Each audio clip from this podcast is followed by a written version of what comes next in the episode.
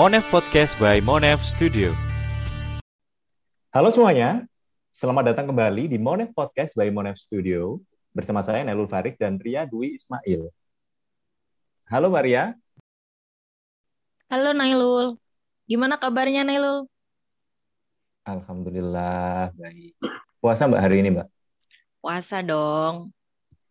Ya kita mau record siang bolong di puasa nih Mbak. Kuat nggak, Iya. Mbak? Kuat dong. Oke, siap ya. Iya. Eh, di episode kali ini, kita akan membahas tentang perkembangan dan tantangan pelaksanaan reformasi Monev di Indonesia. Perlu Sobat Monev ketahui bahwa tema yang kita bahas kali ini merupakan kelanjutan dari tema yang membahas tentang apa itu monitoring dan evaluasi, tepatnya pada Monev Podcast episode 1. Nah, seperti biasa, masih bersama dengan founder kita, yaitu Mbak Umi Hani. Halo Mbak Umi. Halo Mbak Umi. Halo Nailul dan Ria, mudah-mudahan belum bosen ya. Ya enggak dong, kita kan bicara langsung dengan expertnya gitu kan. Iya, mudah-mudahan ya, siap. Hmm. Nah, seperti biasa nih Mbak Umi eh, dan juga Mbak Tia, eh, seperti biasa di Monev eh, Podcast di episode sebelumnya, selalu kita mulai dengan eh, eh, statement eh, pembuka gitu. Nah, jadi di episode pertama Monev Podcast, kita telah membahas tentang apa itu monitoring dan evaluasi, di mana dijelaskan bahwa Monev dapat memberikan informasi yang diperlukan untuk menilai dan memandu strategi proyek, memastikan operasi yang efektif, memenuhi persyaratan pelaporan internal dan eksternal, dan menginformasikan program di masa mendatang. Untuk itu, tidak sekedar perlu, namun wajib untuk menjadikan Monev sebagai bagian integral dari perencanaan serta pelaksanaan dan penyelesaian proyek atau program. Nah, kemudian pertanyaannya adalah, apakah para pelaku pembangunan di Indonesia, seperti CSO, pemerintah pusat atau daerah, menerapkan Monev dengan baik dalam setiap proyek atau program yang mereka jalankan, gitu kan? Nah, untuk menjawab pertanyaan tersebut, perlu diketahui oleh para pendengar setia uh, Monev Podcast. Nah, uh, bahwa sebagai bentuk misi sosial yang telah dan sedang oleh Monev Studio, kami menyelenggarakan kegiatan seminar monitoring dan evaluasi yang dilaksanakan secara rutin melalui safari setiap bulan dengan menggandeng uh, Badan Perencanaan Pembangunan Daerah atau Bapeda tingkat provinsi di Indonesia. Nah, dalam kegiatan eh, kegiatan tersebut, kita tidak hanya memberikan materi Monev yang relevan dengan kondisi yang sedang eksis, juga mendatangkan pemateri dari sudut pandang nasional maupun global. Namun, kami juga melakukan advokasi Monev. Artinya, kita ingin mengetahui bagaimana sih kondisi penyelenggaraan program atau proyek pembangunan di tingkat daerah dan sejauh mana kemampuan mereka dalam Monev. Nah, dari setidaknya eh, lima Monev Safari yang telah kita eh, selenggarakan, berikut kesimpulan umum permasalahan dalam eh, aspek Monev. Yang pertama, Monev belum menjadi kebutuhan mendasar untuk perbaikan kinerja. Indikasinya adalah eh, LAKIP dan laporan-laporan lainnya masih berorientasi pada pemenuhan kewajiban administrasi atau formalitas mata. Nah, kemudian indikasi selanjutnya adalah hasil Monev belum menjadi dasar perencanaan tahun berikutnya. Kemudian kualitas SPIP dan SKPD masih rendah. Nah, di poin berikutnya, rendahnya kemampuan SDM baik di lingkungan CSO maupun pemerintah daerah dalam hal perencanaan. Indikasinya adalah belum mampu menyusun indikator kinerja yang tepat syarat sehingga menyulitkan proses pelaporan dan Monev.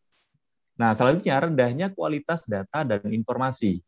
Indikasinya adalah data tidak ada atau berbeda dengan instansi SKBD atau terlambat dalam beberapa tahun. Nah, kemudian saya juga menambahkan informasi dari beberapa sumber terkait kondisi Monev di Indonesia. Yang di antaranya eh, belum optimalnya eh, audit kinerja oleh eh, BPK, masih fokus pada audit laporan keuangan, padahal opini BPK dan eh, dari laporan keuangan tidak terkait secara langsung dengan substansi kinerja yang diharapkan oleh masyarakat. Kemudian rendahnya kualitas rekomendasi DPRD terhadap LKPJ kepala daerah. Rekomendasi tersebut merupakan bentuk evaluasi DPRD terhadap penyelenggaraan pemerintah daerah. Kemudian rendahnya peran serta CSO dan media dalam uh, pengawasan uh, kinerja Pemda. Lalu ketidakjelasan mekanisme pengawasan masyarakat terhadap penyelenggara pemerintah daerah. Jadi LPPD disampaikan bermasyarakat agar uh, mendapatkan tanggapan sebagai masukan untuk uh, perbaikan penyelenggaraan pemerintah daerah. Tetapi tata caranya tidak dijelaskan secara cukup begitu kan. Nah, kemudian yang terakhir adalah rendahnya kualitas diseminasi materi pelaporan. Nah, untuk Mbak Umi, Eh, sebagai monever profesional yang memiliki banyak pengalaman dalam kegiatan monev dan juga jaringan monever baik nasional maupun internasional, ada APA, IDEAS dan sebagainya gitu lah Mbak. Bagaimana tanggapan Mbak Umi sebagai, uh, mengenai fenomena tersebut? Silakan Mbak. Terima kasih Nailul untuk uh, ini ya apa uh, pengantarnya yang cukup uh, apa mind provoking artinya menggugah Uh, iya, saya suka ini, Mbak. uh, iya, uh, untuk berpikir uh, lebih jauh tentang uh, sesungguhnya perjalanan uh, reformasi uh, Monef di Indonesia itu seperti apa sih dan uh, apa yang bisa kita perbuat ya sebagai bagian dari uh, masyarakat sipil di Indonesia karena hmm. uh, apalagi kita tahu ya bahwa Monef itu sangat penting, sangat instrumental yeah. perannya uh, untuk mengawal proses pembangunan yang ada di Indonesia seperti itu. Hmm. Nah, uh, apa yang Nailul sampaikan itu sangat uh, relevan gitu ya. Uh, sesungguhnya bagaimana uh, proses kelembagaan, terus kemudian uh, uh, pelaksanaan, terus kemudian uh, baik dari sisi uh, operasionalisasi uh, pusat ya kan provinsi hingga kabupaten kota ini uh, tentu streamnya berbeda-beda gitu. Karena hmm. karena memang uh, kapasitas untuk melaksanakannya juga berbeda-beda seperti itu nah ini juga uh, mungkin sejalan dengan uh, informasi yang kita dapatkan selama kita melakukan safari dari satu hmm. provinsi ke provinsi lainnya uh, uh, apa uh, makanya memang kalau tidak uh, mereka yang jemput bola, kita lah yang coba jemput bola untuk uh, mempromosikan dan melakukan uh, advokasi Monef supaya uh, apa uh, Monef ini makin uh, dikenal dan dari hmm. waktu waktu kapasitas Monef ini juga makin membaik seperti itu. Tapi tidak hanya di pusat saja, tapi juga uh, rata di uh, hingga di kawasan kawasan yang uh, sulit diakses sekalipun oleh uh, apa kegiatan-kegiatan uh, peningkatan kapasitas Monef yang berkualitas seperti itu. Mm-hmm. Nah dari sini Nailul kita seperti biasa ya formatnya berangkat dari konsepsi dulu, baru nanti kita masuk kembali ke uh, uh, sesungguhnya uh, bagaimana kita menyikapi uh, proses perjalanan uh, Monef di Indonesia dan uh, apa yang bisa kita uh, sempurnakan. Oke. Okay. Nah, jadi pertama kalau kita bicara soal bagaimana sesungguhnya mengorganisasikan dan melembagakan sistem Monef ini sangat dekat dengan aspek politik dari uh, kebijakan Monef itu sendiri, ya kan? Hmm. Nah, jadi secara konkret itu ada tiga dasar ketika kita uh, mengembangkan uh, satu sistem Monef. Pertama adalah uh, prinsip-prinsip Monef, terus kemudian yang kedua adalah organisasi atau tata kelola uh, yang apa isunya berbagai isu terkait tata kelola maupun uh, prosesnya ini uh, perlu kita petakan. Nah, yang ketiga mm -hmm. soal uh, uh, politik monefnya gitu. Nah, pertama masuk ke uh, prinsip monef ya atau uh, secara khusus yang seperti kita bahas di sesi pertama, episode pertama Monef Podcast lalu, kita bicara soal mm -hmm. evaluasi. Itu ada apa aja? Masih ingat? Efektivitas, efisiensi, relevansi, koherensi, dampak dan koherensi. Ya kan? Iya. Yang terbaru baru baru di endorse sekitar sekitar tahun lalu. Mm -hmm. nah, dari prinsip-prinsip uh, evaluasi ini, uh, ini perlu diinternalisasi. Sesungguhnya uh, efektivitas itu apa, efisiensi itu apa, dan seterusnya gitu. Nah, eh, berikutnya kita juga perlu melihat sesungguhnya sistem evaluasi dalam konteks eh, kerjasama pembangunan itu seperti apa gitu, ya kan? Hmm. Nah, eh, di episode 6 kita sudah diskusi soal eh, efektivitas eh, pendanaan luar negeri, ya kan? Dan Iya. Kontribusinya untuk kontribusinya untuk pembangunan. Jadi bagaimana Hmm. eh, Monef itu punya peran untuk mengawal eh, sejauh mana kondisionalitas, ya kan, eh, persyaratan untuk penarikan hibah maupun pinjaman luar negeri itu bisa dilakukan, gitu kan? Nah, Hmm. kemudian kenapa Monef ini lebih banyak didorong oleh donor gitu kan dibanding misalnya oleh eh, pemerintah seperti itu ya kan Iya, Nah, iya. Eh, untuk memahami eh, alur diskusi di podcast eh, episode 7 ini eh, sobat Monef cie, itu perlu menyimak yang episode 1 dan episode eh, 6 ya gitu ya Nailul dan Ria Iya, ha. Nah, berikutnya kita masuk ke soal tata kelola dan isu-isu apa saja sih yang menyangkut eh, tata kelola eh, sistem Monef dan pelaksanaannya gitu. Ya kan? Nah, ini sebenarnya Hmm. ada beberapa referensi eh, yang bisa diacu. Itu bukunya eh, Michael eh, Bamberger, terus bukunya eh, Bedi, Bedi et al. Ya kan? Nah, coba kita bongkar dulu bukunya eh, Bamberger ini. Nah, Bamberger sendiri kalau bicara soal eh, tata kelola eh, eh, sistem Monef dan pelaksanaannya, ini sebenarnya fokus kepada empat hal. Yang pertama adalah bagaimana sesungguhnya sistem itu dibangun untuk mendorong pemanfaatan Monef yang lebih besar gitu. Hmm, hmm. Motivasi ketika menyusun sistem Monef itu, eh, menyiapkan sistem Monef itu, dia berpikirnya jangka panjang gitu. Bagaimana nanti hasilnya itu akan dimanfaatkan, akan makin banyak yang membaca, akan makin banyak yang buy in, akan makin banyak yang eh, menjadikan eh, dasar untuk pengambilan keputusan, kebijakan dan seterusnya, ya kan? Hmm. Nah, Terus eh, berikutnya adalah berbagai cara yang dinamis untuk mengelola Monef gitu. Karena kapasitas, konteks, terus kemudian eh, apa background dari eh, pelaksana Monef itu berbeda, makanya ini perlu disetting secara dinamis ya kan.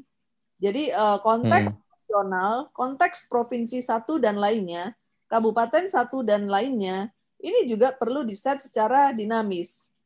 Jadi one fits all itu nggak bisa itu kita bisa eh, apa terapkan. Ya mungkin mudah ya kan, memudahkan bagi yang menyusunnya gitu kan.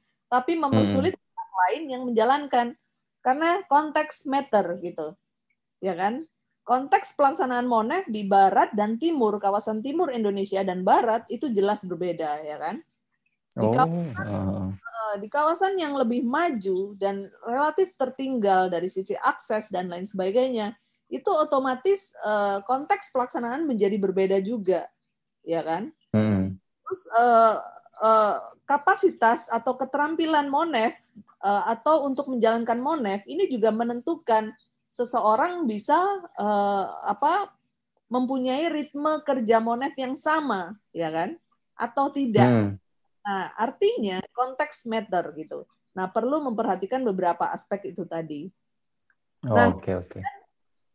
Yang berikutnya, yang ketiga itu eh, proses tata kelola Monef ini eh, perlu melibut, melibatkan eh, berbagai pihak gitu kan.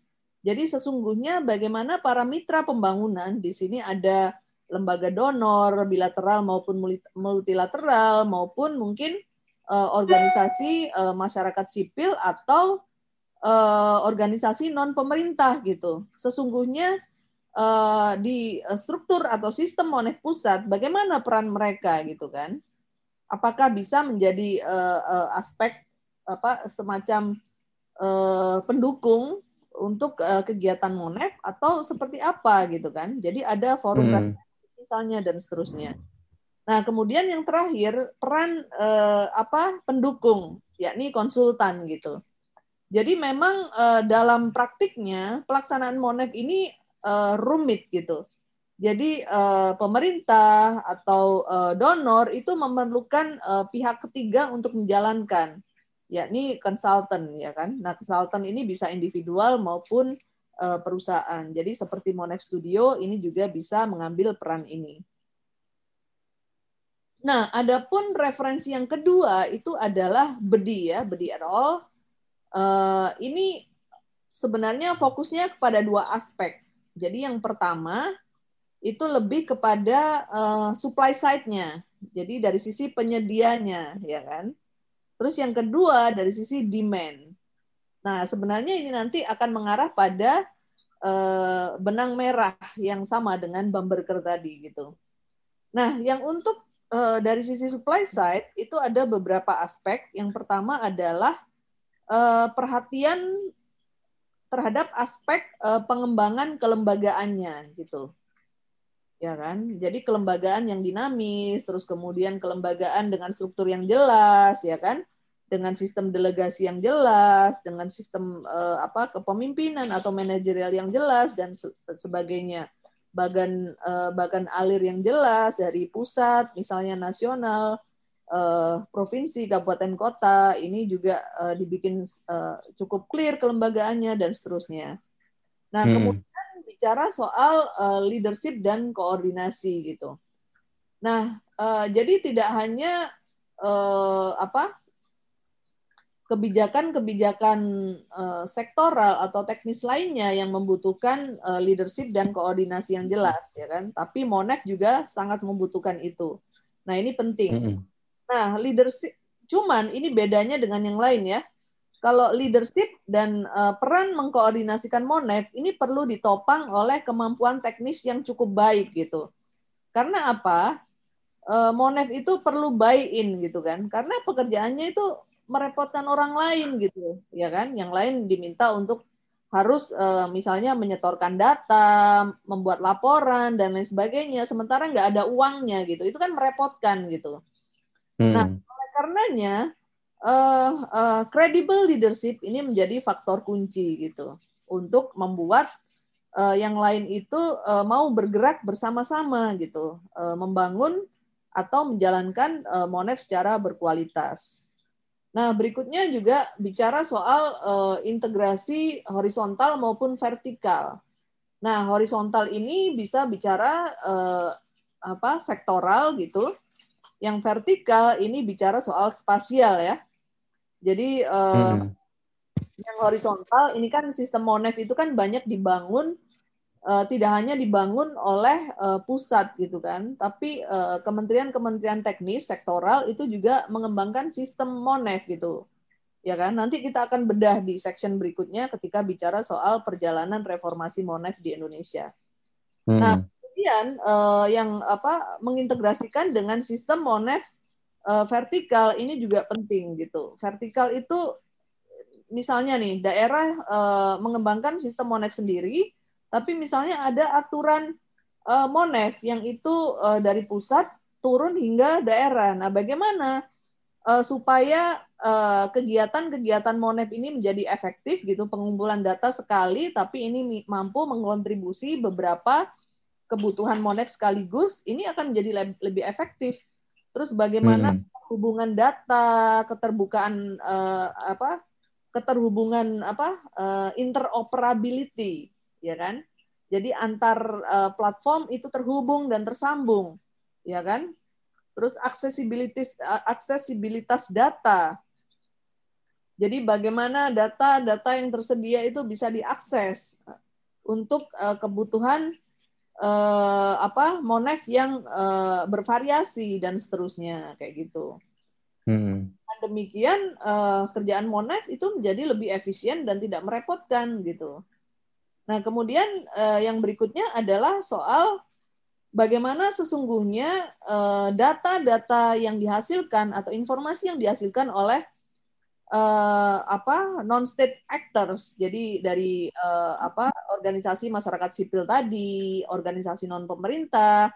Jadi apalagi lembaga-lembaga internasional itu tadi kan juga punya uh, apa uh, sistem monef yang relatif uh, rigorous gitu Nah, bagaimana hasilnya itu bisa mengkontribusi dari uh, sistem Monef nasional maupun daerah karena mereka punya pilot-pilot project yang menarik di mana eksperimen pelaksanaan Monef itu juga menjadi satu uh, pelajaran penting yang itu bisa diadopsi oleh pemerintah sesungguhnya gitu.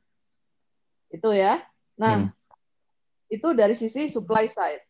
Nah, bagaimana dari sisi demand side gitu? Demand. Ya. Demand itu kan artinya uh, sesungguhnya siapa sih nanti yang membaca uh, hasil dari Monef ini gitu kan? Nah, makanya yang uh, apa difokuskan dari sisi demand side ini adalah umpan balik. Jadi ini bicara soal pemanfaatan dan pengaruh dari hasil evaluasi itu, ya kan? Apakah akan berakhir di lemari arsip saja atau justru dimanfaatkan banyak pihak? Jadi uh, apa di, dikutip, di, di site, citationnya uh, apa cukup tinggi nggak dan seterusnya gitu. Nah, oleh karenanya ini lebih banyak bicara bicara soal kualitas. Bagaimana kualitas dari proses pengumpulan datanya, uh, proses analisisnya. Jadi apakah sesungguhnya fungsi-fungsi Mones, uh, fungsi-fungsi teknis dari Mones itu sendiri berjalan secara maksimal, ya kan?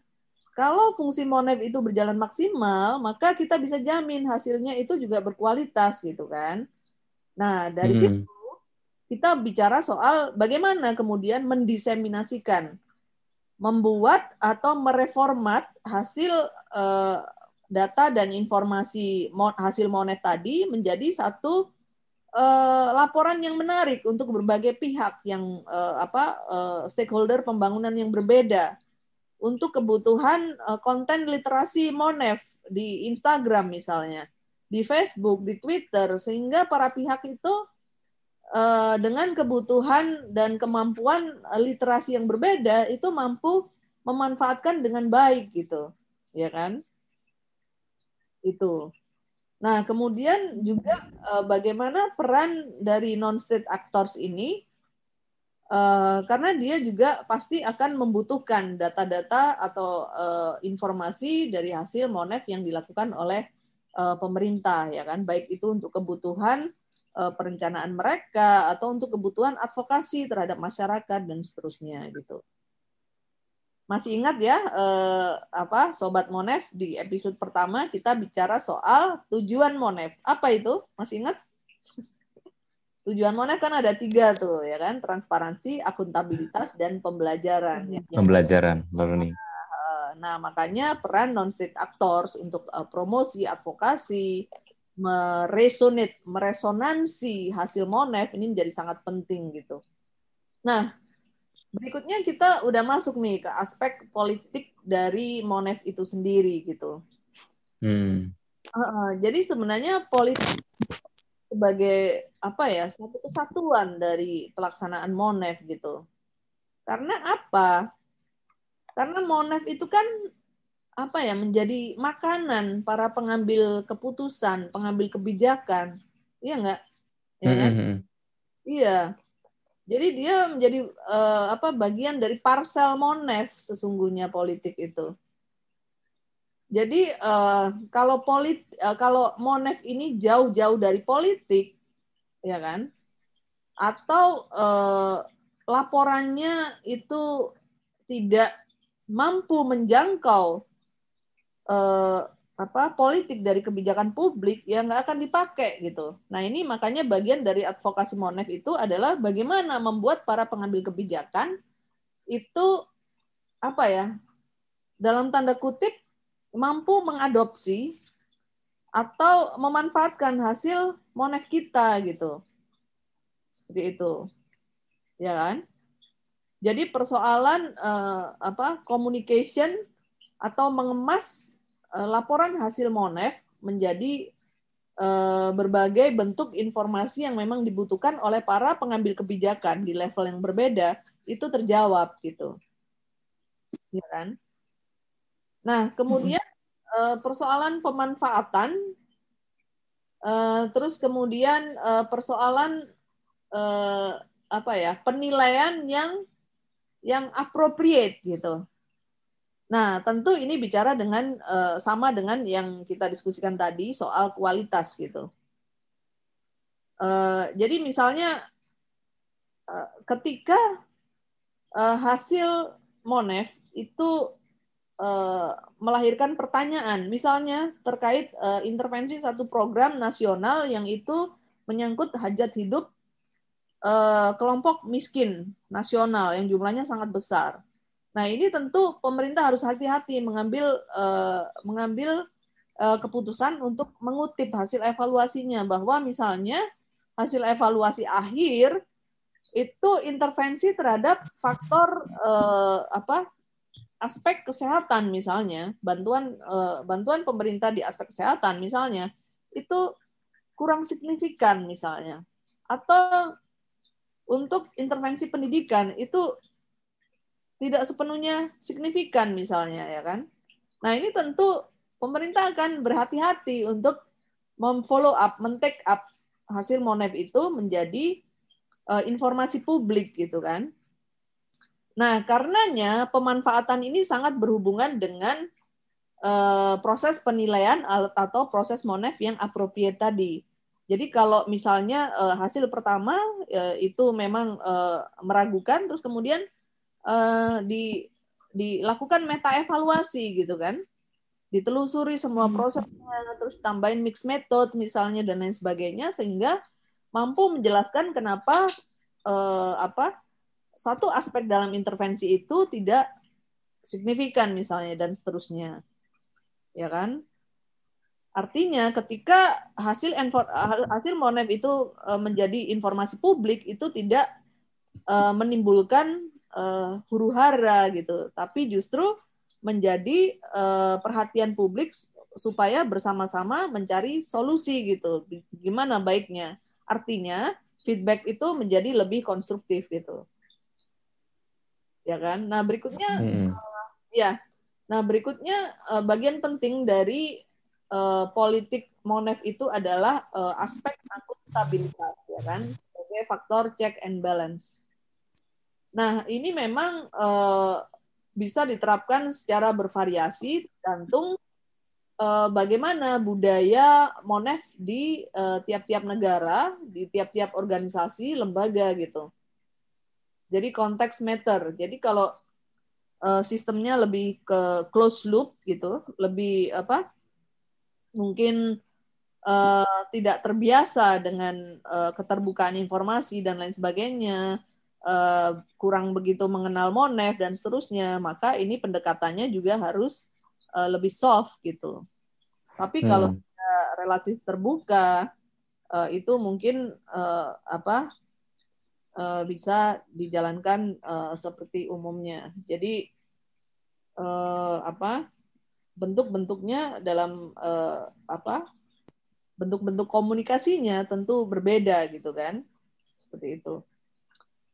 Nah, kemudian yang perlu kita pertimbangkan adalah persoalan uh, power relationship.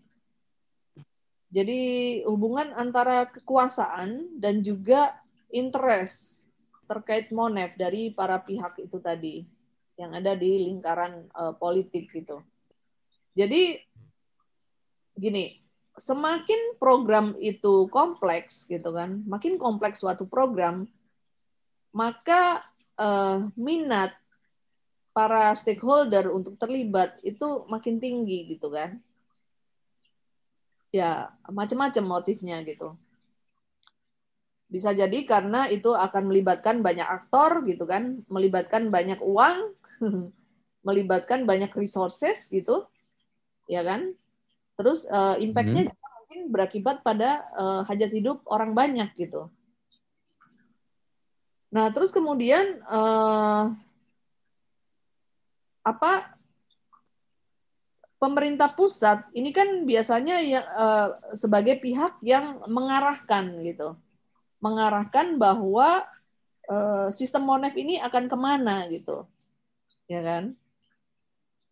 Meskipun hmm. mereka yang punya uh, power secara politik ini lebih uh, kepada uh, lebih eh, sebagai pihak yang menyetir gitu, menyetir dalam tanda kutip ya, yang mengarahkan gitu. Jadi bisa jadi birokrat itu disetir oleh uh, politik yang duduk dalam pemerintahan misalnya, seperti itu, ya kan? Karena kan birokrat itu mesin ya, eh, engine Iya, Eh, mesin demokrasi. roda pemerintahan gitu. Hmm. Itu. Nah, oleh karenanya penting buat kita untuk mengenali ses- sesungguhnya bagaimana sih eh, politik dari pelaksanaan Monef itu sesungguhnya. Nah, berikutnya adalah eh, melihat dari sisi eh, apa ya? Ini apa kerangka analisisnya. Jadi eh, Monef itu kan bisa melekat di dalam struktur politik yang macam-macam. Jadi struktur politik yang eh, relatif stabil, relatif eh, dinamis, ya kan? Atau seperti apa gitu? Modest gitu misalnya. Lalu eh, bagaimana sesungguhnya eh, Monef ini diduduk, didudukkan di antara posisi eh, para pemangku eh, kepentingan pembangunan yang ada. Gitu kan? Nah, di sini kita akan bicara banyak hal. Yang pertama adalah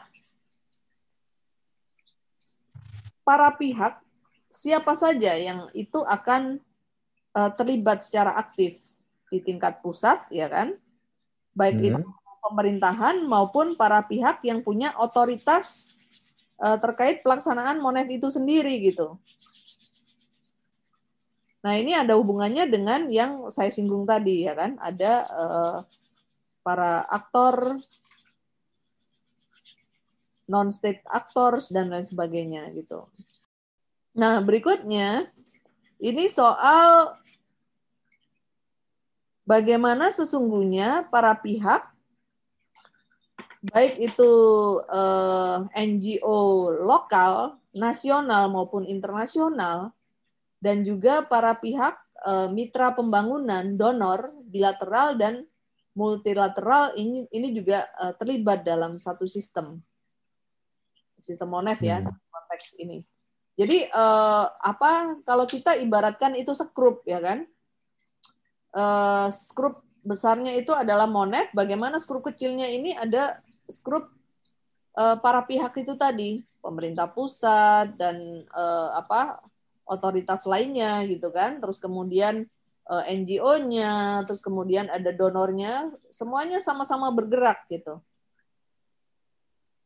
Nah, kemudian eh, yang berikutnya setelah kita eh, apa petakan para pihak itu tadi, terus kemudian yang juga penting adalah memetakan sesungguhnya interest, ya kan? Interest para pihak itu tadi. Interestnya kalau untuk eh, dalam konteks monet tuh apa sih gitu kan? Ini yang eh, menarik gitu. Tentu ini beda-beda ya, karena eh, misalnya eh, donor bi- bicara soal donor yang berasal dari eh, negara di kawasan eh, Asia, tentu itu akan beda dengan eh, yang ada yang berasal dari kawasan Amerika misalnya dan seterusnya. Seperti kita bicarakan di episode kemarin ya soal it Hmm. Nah, kemudian eh, lebih jauh kita perlu melihat elemen-elemen monefnya. Jadi mulai eh, pengembangan kelembagaannya, kapasitasnya, penetapan target dan indikatornya, terus eh, umpan balik yang menyang- menyangkut sirkulasi atau das- distribusi dan juga eh, bagaimana manfaatnya untuk para pihak, ya kan? Hmm. Nah, dari sini kita bisa lihat sesungguhnya sesung, eh, sesungguhnya eh, politik Monef itu bisa eh, mengarah pada empat hal gitu. Jadi eh, kelembagaan, kapasitas, eh, target dan indikator dan umpan balik itu tadi. Politik yang berbeda akan menghasilkan empat hal yang berbeda juga gitu. Jadi eh, yang membedakan itu adalah interest para pihak itu tadi, ya kan? Dan juga konteks. Jadi eh, apa sistem politiknya seperti apa? lebih relatif stabil atau relatif lebih dinamis, fluktuatif gitu. Ya kan? Hmm. Dengan demikian empat hal dari sisi Monef itu tadi itu akan berbeda. Jadi kalau eh, apa eh, konteks politiknya itu stabil, eh, interestnya adalah untuk eh, transparansi dan lebih accountable masyarakatnya, ya kan? Tentu Hmm. eh, apa hasil monefnya secara kelembagaan itu lebih terbuka, ya kan? Lebih banyak memfasilitasi eh, apa eh, akses data, keterhubungan dan lain sebagainya, interoperability dan lain sebagainya. Kapasitas monefnya bagus, ya kan? Lebih robust dan seterusnya. Tidak hanya pelaporan, tapi juga eh, evaluasi dampak, evaluasi hasil itu maksimal dan dikomunikasikan gitu. Pencapaian pe- eh, perencanaan target dan pencapaian indikatornya disusun secara jelas gitu kan. Umpan baliknya juga jalan kayak gitu dibanding misalnya yang eh, konteks politiknya lebih dinamis gitu, fluktuatif ya kan. Gitu. Nah, ini menentukan. Nah, eh, apakah eh, kemudian eh, ketika saya sebutkan eh, permasalahan-permasalahan yang ada di, di Indonesia tadi, eh, sesuai dengan penjelasan Mbak Um terkait di dalamnya Monef seperti apa, apakah eh, bisa dikatakan bahwa Monef belum eh, apa eh, sempurna, artinya belum berjalan sesuai dengan eh, idealnya sehingga memberikan manfaat atau dampak eh, yang eh, sesuai dengan yang diharapkan oleh eh, masyarakat. Begitu apakah eh, karena eh, kelembagaan dan juga kondisi politik yang memang eh, tidak mendukung begitu? Atau seperti apa terkait dengan eh, perkembangan monef di Indonesia? Ya, eh, relevan sekali pertanyaannya. Eh, Oke, mungkin saya lanjutkan dulu, tapi bahwa eh, refleksi dari eh, pelaksanaan Monef di Indonesia hari ini, ini sesungguhnya sangat eh, relevan dengan yang sedang kita diskusikan hari ini, politik eh, kebijakan eh, Monef di Indonesia gitu.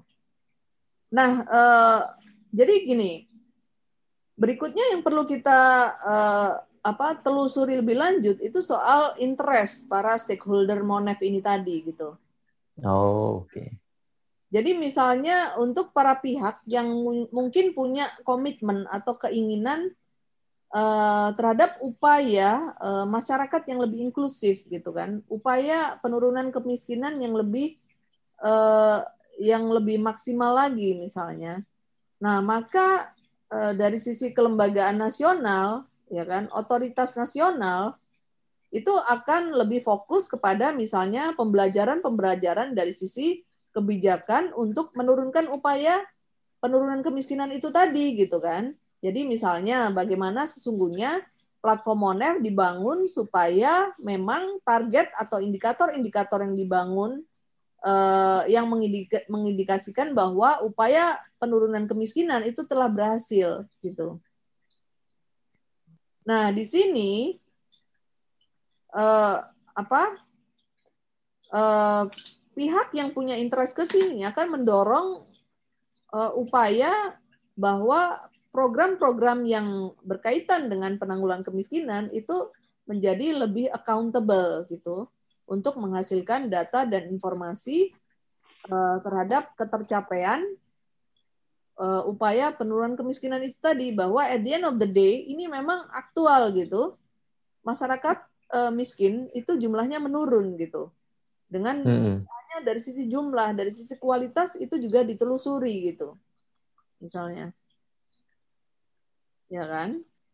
Nah makanya ini akan eh, lebih banyak mendorong kemudian eh, politiknya itu lebih banyak mendorong eh, eh, aspek pembelajaran dan akuntabilitas gitu. Tapi kalau yang kontra itu ya kan yang tidak pro itu ya kan jadi eh, akan eh, lebih nyaman dengan kondisi sekarang dengan eh, status quo gitu. Jadi misalnya eh, eh, membuat sistem Monef itu lebih fokus kepada pelaporan saja meskipun dia tahu solusinya Eh, apa eh, eh, pelaporan dari sisi administratif. Misalnya bangku eh, apa saya selalu pakai contoh ini karena mudah. Bangku. Ya kan?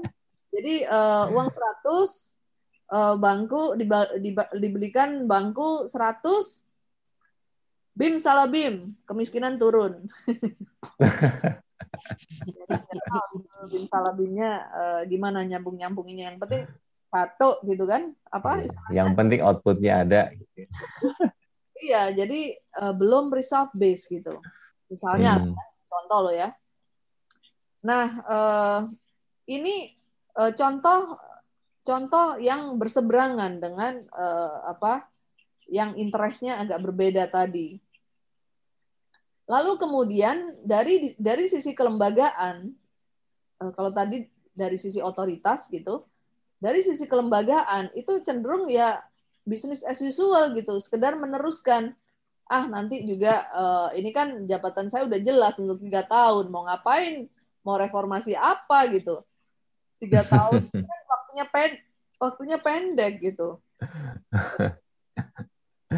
Atau posisi Iya, saya iya. top gitu kan, mau mendorong apa, mau nef gitu kan, daripada Mm-mm. masih banyak orang gitu kan, kayak kayak gitu, ya kan? Iya, iya, iya. Nah, ini eh, eh, salah satu ilustrasi. Nah, dari sini Oke. eh, politik eh, Monef ini kemudian menentukan kualitas dan kebermanfaatannya, ya kan?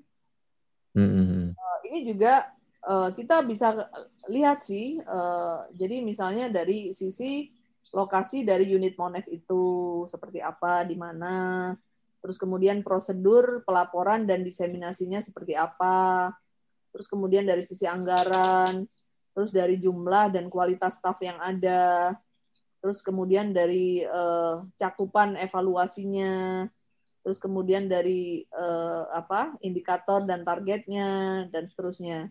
Jadi kalau yang unwilling ya kan, yang cenderung eh, apa bisnis as usual tadi itu akan mensingkretkan ini ya nggak? Mm-mm. gitu. Nah, dari sini saya cuma mau bilang bahwa eh, denial apa eh, mendisregard atau tidak memperhatikan aspek politik dalam Monef itu akan eh, apa ya? membuat pemanfaatan hasil Monef itu menjadi rendah gitu. Jadi udah bagus segala macam, tapi kalau we are not eh, apa ya? istilahnya berkelindan eh, di dalam eh, konteks eh, politik yang ada. Jadi bagaimana menyisipkan agenda-agenda monet penting tapi dengan cara yang dalam tanda kutip eh, itu bisa diterima itu menjadi eh, tantangan ya kan. Jadi itu Mm-mm. bisa gitu. Ya kan? Oke, oke. Eh, itu sih. Nah, mungkin sekarang kita bisa sih masuk ke eh, apa materi tentang sejauh mana sih sesungguhnya eh, reformasi Monef di Indonesia itu telah berjalan gitu. Nah, sekarang kita coba lihat ya eh, sesungguhnya bagaimana sih kebijakan Monef di Indonesia telah berjalan gitu. Jadi eh, ini sesungguhnya juga tidak jauh dengan proses eh, reformasi yang ada di Indonesia. Jadi eh,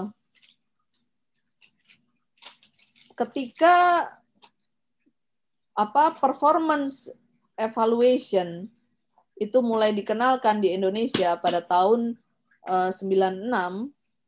Jadi eh, sesungguhnya proses reformasi di Indonesia itu juga menyentuh aspek monef gitu. Nah, eh, ini beriringan dengan proses eh, reformasi perencanaan dan eh, anggaran yang ada di Indonesia. Jadi seiring dengan tuntutan transparansi dan akuntabilitas pemanfaatan dana publik, ya kan? Nah, ini kemudian eh, demand terhadap monef yang lebih baik ini juga meningkat seperti itu. Nah, sesungguhnya beberapa eh, momentum eh, reformasi yang ada ini eh, relevan dengan perkembangan reformasi monef yang ada di Indonesia gitu. Jadi eh, mulai dari eh, reformasi eh, perencanaan dan penganggaran, lalu kemudian ini berujung pada eh, penetapan ya undang-undang tentang keuangan negara yang di situ meng-highlight tentang anggaran berbasis kinerja. Nah, anggaran berbasis kinerja ini mensyaratkan performance uh, indicator dan proses pengukurannya secara uh, jelas gitu. Nah, dari sini pembicaraan soal Monef ini kembali uh, menguat ya kan. Jadi bagaimana Monef ini menjadi satu uh, platform yang memang mampu mendukung rencana dan anggaran yang lebih baik. Ini uh, makin bergulir. Hingga kemudian uh, bergulirlah itu peraturan-peraturan yang relevan dengan peningkatan atau kebutuhan perbaikan untuk Monef dari waktu ke waktu. Nah, tapi satu hal yang pasti adalah bahwa dengan adanya anggaran berbasis kinerja, ini kemudian uh, setiap unit-unit biro perencanaan yang ada di Indonesia, baik di tingkat kementerian, tingkat provinsi, kabupaten, dan kota, unit perencanaannya itu ada uh, fungsi monef gitu, di mana ada orang dan uh, budget yang dialokasikan untuk uh, kebutuhan pelaksanaan monef, ya kan? Meskipun itu sangat bervariasi, ya kan? Namun bahwa modalitas penting ini ini menjadi satu uh, opportunity untuk uh, meningkatkan uh, peran monef di berbagai aspek seperti itu. Nah, kemudian uh, ini juga terus uh, bergulir. Uh, kemudian ada uh, terbentuknya uh, komunitas Monef di Indonesia, itu INDEC, Indonesian Development Evaluation Community, di mana saya menjadi uh, salah satu pendirinya waktu itu. Ada Mas Dwi Agus, terus kemudian uh, ada Pak Dadang Solihin waktu itu. Jadi uh, tiga orang ini yang menggerakkan sehingga kemudian uh, komunitas itu terbentuk. Nah sekarang makin rame. Nah uh, jadi sobat Monef pendengar podcast Monef podcast ini bisa uh, bergabung juga dengan komunitas uh, Monef Indek itu tadi. Nah kemudian ini juga bergulir terus sampai dengan lahirnya beberapa regulasi-regulasi yang dianggap sebagai uh, momentum penting uh, reformasi Monef yang ada di Indonesia. Waktu itu sempat lahir uh, UKP 4, ya kan? Uh, ini unit kerja presiden yang fokus pada pengawasan program-program prioritas pemerintah.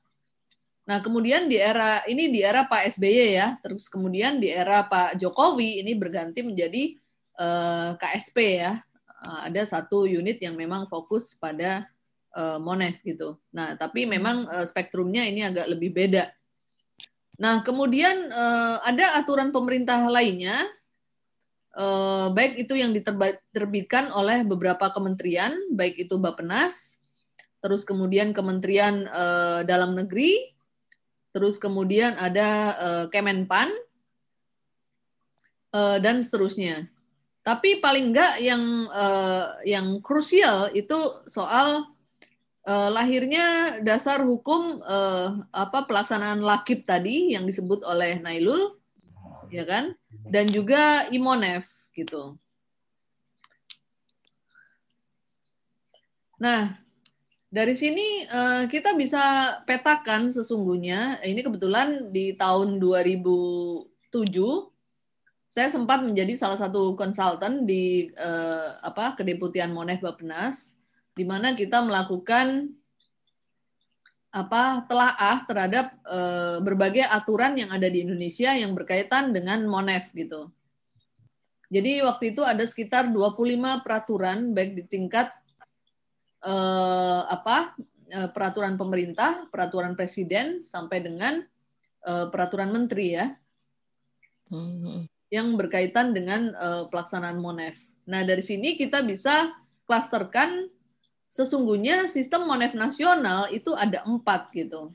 Jadi belum ada yang satu-satunya. Nah, empat klaster ini mungkin yang eh, kemudian disinyalir menjadi salah satu tantangan pelaksanaan monef di Indonesia gitu. Karena dari empat ini kemudian uh, ini yang secara vertikal kan, belum bicara soal yang ada di daerah bagaimana, belum bicara yang ada di uh, sektoral, yang horizontal bagaimana gitu kan. Nah, tapi ini kita coba diskusikan satu persatu. Nah, klaster pertama ini adalah uh, peraturan Monef yang didrive oleh Bapenas gitu. Jadi intinya uh, fokus dari pelaksanaan uh, Monef di Bapenas itu adalah uh, Monef perencanaan gitu. Jadi sesungguhnya bagaimana uh, uh, mulai dari desain terus kemudian sampai uh, perencanaan itu dilaksanakan. Nah, maka fokus dari Monef itu lebih ke sana. Nah, kemudian uh, apa saja uh, yang dimonefin gitu kan? Nah, karena Bapenas ini kan punya produk-produk penting dari sisi perencanaan, itu ada RPJP, rencana pembangunan jangka panjang, terus rencana pembangunan jangka menengah, terus kemudian ada eh, rencana kerja pemerintah yang periodenya macam-macam gitu kan. Jadi hmm. RKP ini satu tahun, RPJM lima tahun, eh, RPJP ini 20 tahun gitu. Nah kemudian ini uh, di daerah uh, turun menjadi uh, fokus monefnya ini kepada uh, dokumen daerah gitu, RPJPD, RPJMD, dan, dan RKPD seperti itu. Nah, kemudian ini uh, bersinggungan juga dengan klaster berikutnya, yakni uh, Monef yang didrive oleh Kementerian Dalam Negeri gitu.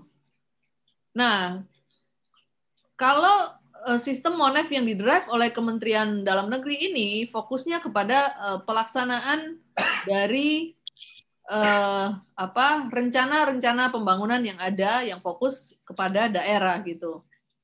Jadi ada uh, pengukuran kinerja daerah, ya kan? Ini pelaporan pada uh, terkait dana dekonstruksi, dana TP, terus juga ada LPPD, LKPJ, EKPD, EKPOT, EDOP dan lain sebagainya gitu. Ya kan? Nah, kemudian ada klaster berikutnya yang terkait dengan eh, apa lakip tadi.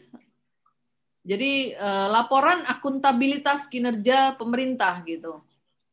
Nah, ini kan bermuara dari uh, uh, Inpres ya, atau Perpres ya, nomor 7 tahun 99.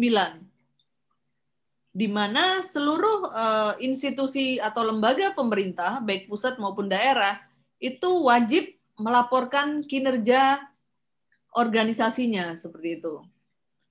Nah, Lakip ini fokus dari evaluasinya agak berbeda gitu. Jadi dia dasarnya adalah kepada renstra dari kementerian lembaga maupun renstra dari SKPD. Ya kan? SKPD atau OPD ya, organisasi pemerintah daerah. Nah, eh, renstra ini bersifat lima tahunan gitu. Yang kemudian ini diturunkan menjadi eh, rencana kinerja untuk kemudian diukur dan hasilnya dilaporkan dalam lakip.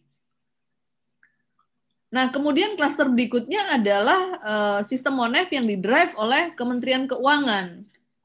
Yang ini bermu, bermuara dari Undang-Undang 17 tahun 2003 tentang keuangan negara. Jadi dasarnya adalah pada rencana anggaran yang ini kemudian terwujud dalam RAPB, RAPBN, RAPBD rencana anggaran eh, eh, pengeluaran eh penerimaan belanja negara dan daerah yang kemudian eh, ini apa menghasilkan laporan-laporan keuangan yang dituangkan dalam LKKIP seperti itu. Ya kan? Tapi ini perlu uh, di apa ya? disesuaikan dengan uh, perkembangan saat ini ya, karena uh, ini uh, pemetaan analisis yang saya lakukan tahun 2007 lalu gitu. Cuman yang beberapa aspek itu masih relevan menurut hasil diskusi saya dengan beberapa kolega gitu. Artinya memang empat klaster sistem ini ini ini yang masih apa menjadi kerangka monef nasional kita gitu. Namun bahwa seperti yang disampaikan dalam safari ke tiga ya kalau nggak salah yang result based monitoring and evaluation system di situ Pak Taufik dari Kedeputian Monef Bapenas bercerita bahwa ada upaya penting saat ini yang sedang dilakukan. Jadi dengan kerangka satu data Indonesia ini akan coba diharmonisasikan eh, kerangka-kerangka uh, Monef nasional yang masih uh, apa terbagi ke dalam empat klaster ini untuk menjadi lebih uh, terintegrasi seperti itu.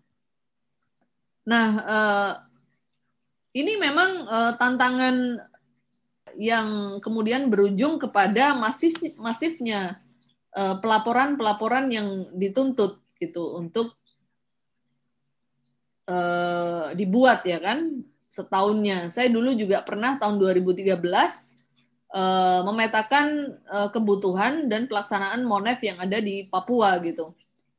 Jadi uh, waktu itu saya dapatkan informasi bahwa uh, Bapeda paling enggak dalam setahun itu wajib melaporkan tujuh uh, tipe laporan monef yang berbeda setiap tahunnya, ya kan dengan format yang berbeda, tapi ya kurang lebih sama gitu informasi yang diharapkan ada gitu.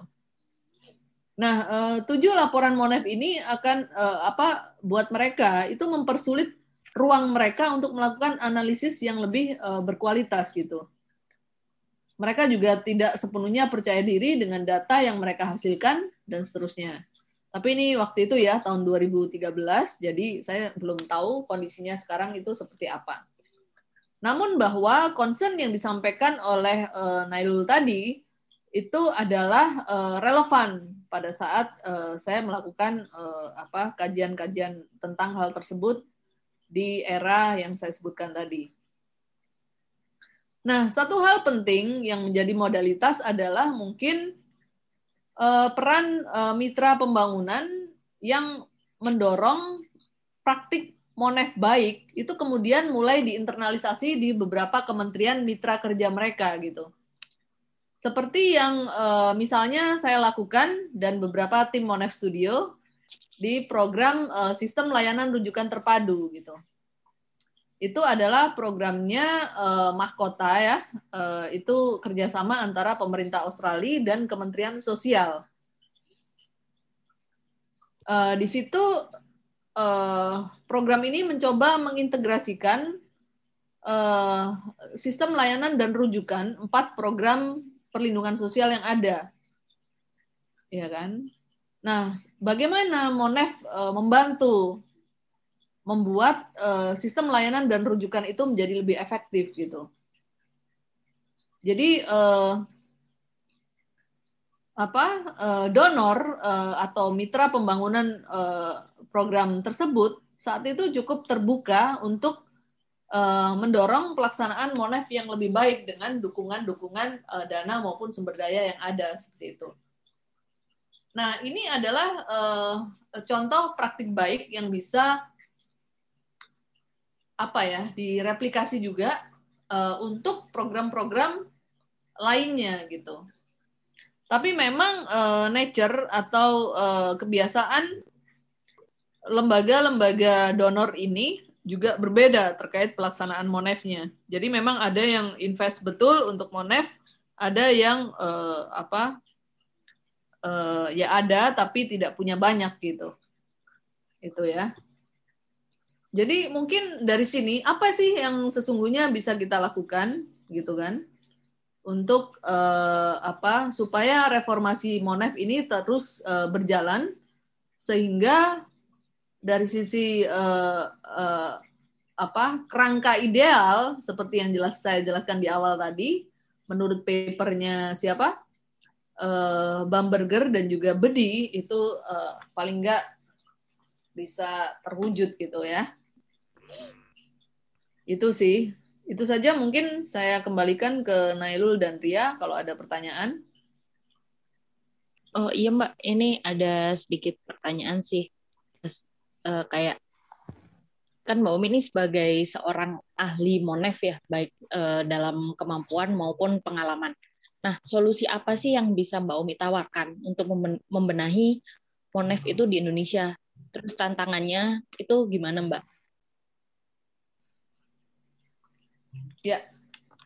Jadi eh, sesungguhnya keterbukaan dan upaya untuk meli- melibatkan para profesional Monef itu sangat penting gitu. Jadi eh, misalnya Bappenas yang punya eh, peran Monef itu rajin-rajin ngundang para praktisi Monef yang ada eh, eh, yang eh, apa tersebar dalam berbagai tipe organisasi baik itu eh, NGO, lembaga donor maupun sektor swasta misalnya CSR gitu kan. Hmm. Karena eh, hari ini CSR itu juga investasi cukup lumayan untuk eh, Monef gitu. Jadi tahun berapa ya? Saya sempat eh, memberikan mentoring ya terhadap M&E manager untuk eh, satu eh, CSR lembaga yang cukup besar. Eh, waktu itu eh, sebuah perusahaan asuransi eh, internasional yang cukup eh, besar yang ada di Indonesia itu mereka fokus kepada aquaculture dan beberapa kegiatan CSR lainnya. Nah, bagaimana monefnya? Itu eh, saya memberikan bimbingan yang cukup intensif waktu itu. Nah, ini artinya potensi-potensi monef yang terserak, ya kan, dengan data dan informasi yang dihasilkan, ini kan perlu eh, apa? dikomunikasikan gitu kan. Nah, forum diseminasi yang fasilitasi banyak pihak ini yang belum ada gitu. Ya kan? Nah, menurut saya Bappenas ini punya peran eh, peran yang cukup strategis untuk memainkan itu. Pertanyaannya mau atau tidak gitu. Ini ini menarik sih. Hmm. Tapi eh, ya saya juga sadar gitu. eh, pekerjaan Monef, pekerjaan eh, reformasi ini kan hektik ya.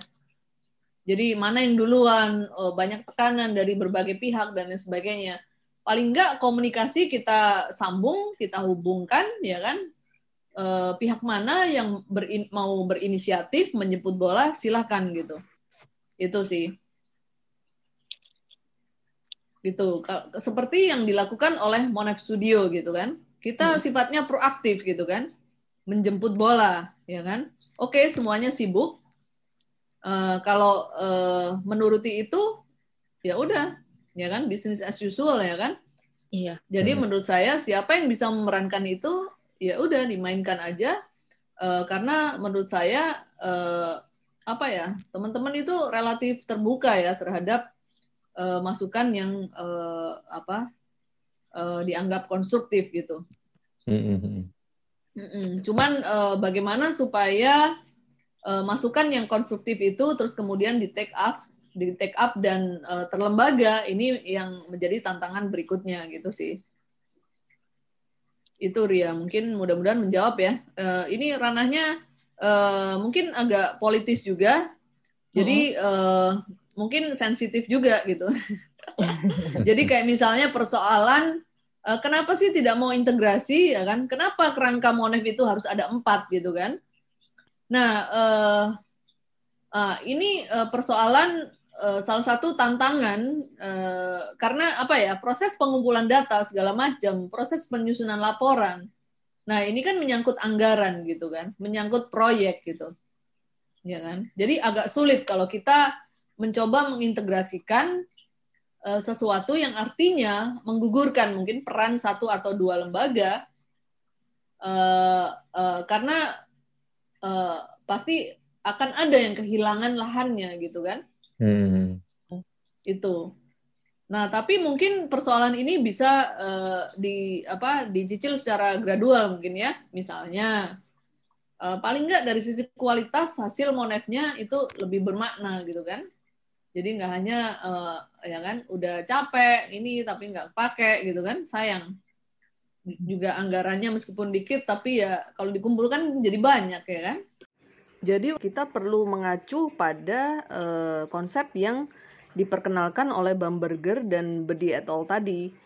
bahwa uh, pelembagaan sistem Monef yang baik itu harus memperhatikan bagaimana pemanfaatan uh, hasil Monef, terus uh, bagaimana uh, pengelolaan uh, kelembagaan Monef itu disesuaikan dengan konteks yang cukup bervariasi. Jadi one uh, doesn't fit all. Lalu bagaimana uh, pelembagaan dan tata kelola Monef ini juga dapat uh, melibatkan peran para mitra pembangunan, uh, lalu NGO atau CSO dan para uh, pemangku kepentingan pembangunan lainnya. Lalu juga uh, bagaimana memperhatikan uh, peran uh, pihak yang cukup penting, yakni tapi uh, uh, apa tidak terrekognisi ya uh, peran para uh, eksternal evaluator atau uh, konsultan pendukung uh, pelaksanaan kegiatan MONEF. Nah, kemudian yang bedi itu kan fokus pada dua hal ya, dari sisi supply side maupun demand side ya kan.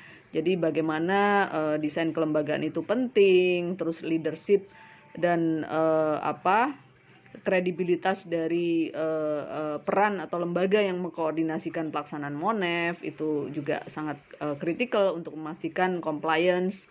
Terus uh, bagaimana integrasi sistem baik secara horizontal maupun vertikal ini penting tapi bahwa sesungguhnya uh, integrasi ini bukan berarti akuisisi ya. Jadi uh, sekarang kan ada platform uh, apa interoperability, terus uh, keterhubungan data, API dan lain sebagainya. Nah, lalu bagaimana uh, sesungguhnya uh, peran para non non state aktor ini juga bisa menjadi uh, potensi sebagai penyuplai uh, data gitu. Atau uh, apa uh, penyuplai dari sisi uh, uh, kualitas uh, apa monef uh, pembanding gitu.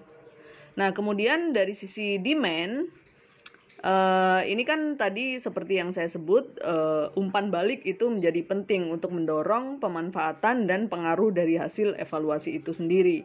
Jadi uh, uh, dengan demikian ini mau tidak mau akan meng-highlight uh, pentingnya anal, ana, apa proses analisis untuk memastikan bahwa data dan informasi yang terkumpul itu menjadi uh, apa evidence atau informasi yang berguna untuk uh, berbagai pihak gitu untuk uh, dasar mereka mengambil keputusan atau kebijakan yang uh, relevan seperti itu. Nah, kemudian diseminasi, integrasi, terus uh, sama juga uh, bagaimana dari sisi demand uh, apa Uh, para non-state actors ini juga membantu dari sisi uh, promosi dan advokasi Monef seperti itu. Jadi kalau kita melihat sejauh mana perjalanan uh, reformasi uh, apa Monef di Indonesia sejauh ini, hendaknya kerangka uh, analisa kita adalah melihat uh, itu tadi. Nah, satu lagi yang menarik adalah sesungguhnya peran parlemen ini yang masih underdog gitu jadi uh, peran parlemen ini sebenarnya sangat strategis uh, karena apa ya fungsi pengawasan, terus uh, apa fungsi fungsi uh, penganggaran, terus fungsi representasi itu sesungguhnya Monef itu punya peran sentral di sana gitu. Jadi kalau hmm. mau mendorong anggota dewan yang uh, lebih powerful yang kemungkinan akan terpilih lagi, harusnya dia menjadi duta-duta Monef gitu. Jadi menjadikan uh, data dan informasi yang dihasilkan dari Monef itu menjadi uh, support dia untuk menjalankan fungsinya gitu. Menjalankan hmm. fungsi pengawasan, memanfaatkan hasil data-data Monef gitu. Pertanyaannya bagaimana supaya para praktisi Monef ini terhubung dengan para anggota DPR itu gitu. Ya kan? Karena apa? Anggota DPR itu kapasitasnya secara umum itu lemah, ya kan? Ya latar belakang pendidikan, latar belakang profesi kan memang ini bermacam-macam. Ada yang dari kalangan artis, ya kan? Ada yang dari kalangan pelawak dan seterusnya, ya kan? Tapi mereka punya masa gitu loh. Dan mereka punya power karena menjadi anggota dewan yang terhormat tadi gitu, mengawasi kinerja pemerintah. Nah, kalau yang yang mengawasi kapasitasnya lebih rendah dari yang diawasi ya kan, kan bisa dihapusi ya. gitu. Nah, okay. ini anggota dewan ini uh, jadi selama ini kritik lebih banyak ke pemerintah, tapi fungsi pengawasan anggota DPR sendiri bagaimana? Jalan tidak gitu. Ini sebenarnya ruang untuk Monef juga untuk bisa masuk gitu. Gitu. Hmm. hmm. Itu sih.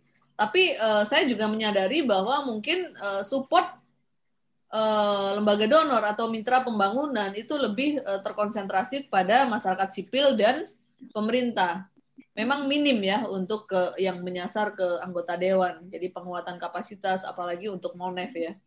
Jadi menarik kalau misalnya Monef Studio punya kesempatan untuk mengawal uh, apa anggota dewan paling enggak uh, uh, apa menghasilkan champion-champion Monef yang bagus gitu kan.